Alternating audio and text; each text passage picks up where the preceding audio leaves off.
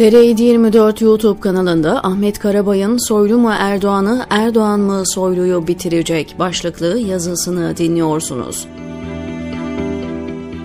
Şimdilerde İçişleri Bakanlığı koltuğunda oturan Süleyman Soylu, AK Parti'yi ele geçirme yolunda önemli bir virajı daha geride bıraktı. Görünen rakibi damat Berat Albayrak'ına da saldırdıktan sonra Abdülhamit Gül'ü de Adalet Bakanlığı'ndan uzaklaştırarak Numan Kurtulmuş'a bir çizik attı. Trabzon mitinginde yaşanan çocuk istismarı olayından sonra attığı çizikle asıl derin yarayı AK Parti Genel Başkanı Tayyip Erdoğan açmış oldu. Süleyman Soylu içinden çıkıp geldiği DYP ve liderliğini yaptığı Demokrat Parti'yi sırtındaki gömleği çıkarır gibi üzerinden attı. Bir bahaneyle istifa etti. Yakın geçmişteki bakanlık koltuğundan istifa ediyormuş gibi çıkışlarına bakarsanız bir bahaneyle ifadesinin ne kadar yerinde olduğunu görürsünüz. Mehmet Ağar'ın 2007'de DP liderliğinden ayrılmasından sonra olağanüstü kongrede genel başkanlığa aday olan Süleyman Soylu ancak 3. turda seçilebilmişti. DP lideri olarak iyi bir performans sergiledi ve partinin 2009'daki kongresinde 993 oydan 922'sini alarak yeniden seçildi. Kendisine bir hedef koydu. Delegeden aldığı güveni 2009 yerel seçimlerinden de alacağına dair partililere söz verdi. 2007 seçimlerinde ağır liderliğinde alınan %5,4 oyun altında kalırsa liderliği bırakacağını açıkladı. DP seçmenden ancak %4 oy alınca ben tanıdığınız siyasetçilerden değilim diyerek istifa etti. Bu sırada AK Parti ile dirsek temasına geçti. Sahibi olduğu Engin Sigorta'nın Gazi Osman Paşa'daki ofisi iktidar partisinden gelen ortak dostları ağırlamaya başlamıştı. Genel başkan olduğu dönemlerde AKP'den tüyü bitmemiş yetimin hesabını sormazsam namerdim diyen Soylu artık dününü bir kenara bırakmaya hazırdı.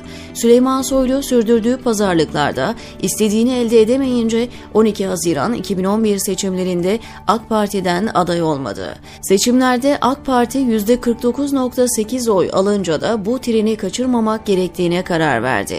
Genel Başkan Erdoğan'ın daveti üzerine 5 Eylül 2012'de yapılan kongrede AK Parti'ye katıldı. Hemen ardından da partinin MKYK'sına seçildi. AK Parti'ye tepeden inen Soylu'nun geçmişte Erdoğan'a söyledikleri uzun süre gündemde tutuldu. O, bedenini, siyasi tecrübesini ve polemikçi dilini kullanarak Erdoğan'ın önüne kendini kalkan yaparak bu saldırıları savuşturma yoluna gitti. Ancak milli görüş kökenli AK Partililer Soylu'nun parti içinde siyaset yapış tarzını hiç tutmadı. Onun bagajında farklı şeyler taşıdığına inandılar. 23 Haziran 2021'de Soylu'ya AK Parti içinden muhalif sesler başlıklı yazıda yakın zamanda vefat eden eski AK Parti milletvekili Ali Koyuncu'nun bu konudaki sözlerini aktarmıştım. Süleyman Soylu'nun parti içinde mücadele ettiği isimlere bakarsanız hepsi milli görüş kökenlilerden oluşuyor. İşin garibi girişte de söz ettiğim gibi Berat Albayrak'la giriştiği mücadelenin ilk roundunu kazanıp damadın nadası alınmasını sağladı.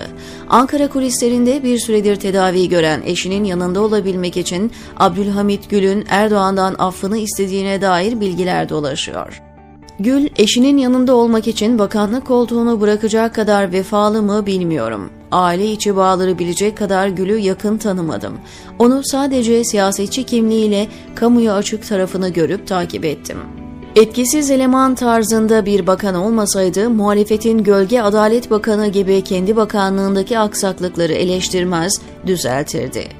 Süleyman Soylu şimdi de Erdoğan'ın Trabzon mitinginde kürsüye çıkarıp Kemal Kılıçdaroğlu'na küfrettirdiği çocukla gündemde.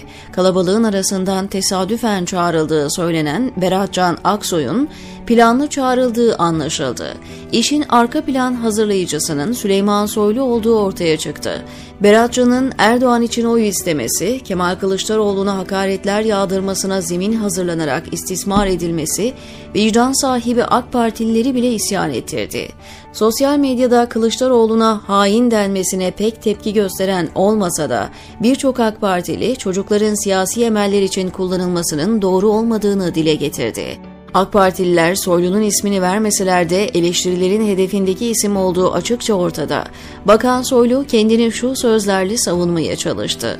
Bir çocuk ağlar, Cumhurbaşkanı merak eder. Çocuk derdini anlatır ve ardından Cumhurbaşkanımızın elinden mikrofonu kapmak ister. Herkes çocuğun atikliğine tebessüm ederken lider çocuğu kırmaz. Oysa Bakan Soylu'nun çocuğu otobüsün üzerine çıkarması mizansen olduğu gibi Erdoğan'ın elinden mikrofonu alma girişimi diye bir şey de söz konusu değil. Bir başka açıdan çekilen görüntü Soylu'yu yalanlıyor. Çocuğun mikrofonu çekip alma gibi bir girişimi yok. Kılıçdaroğlu'na hakaret etmeye başlayınca Erdoğan mikrofonu uzatıyor. AK Partililer Soylu konusunda daha çok rahmetli Ali Koyuncu gibi düşünmeye başladı. Erdoğan'ı övme ve yüceltme adı altında liderlerinin toplumla bağlarını koparmaya çalıştıklarına inanıyor. Soylu'nun parti içinde mücadele edeceği başka isim kalmadı. Şimdi MHP'nin de desteğini alarak Erdoğan'ı saf dışı bırakmaya ve AK Parti'yi tamamen ele geçirmeye sıra geldi. Süleyman Soylu'nun geleceği Selefi Namık Gedik gibi mi olacak yoksa Erdoğan'ın Necmettin Erbakan'a karşı mücadelesinin sonucuna mı dönüşecek? Bu gizemli sorunun cevabını zaman verecek diyor Ahmet Karabay TR724'deki köşesinde.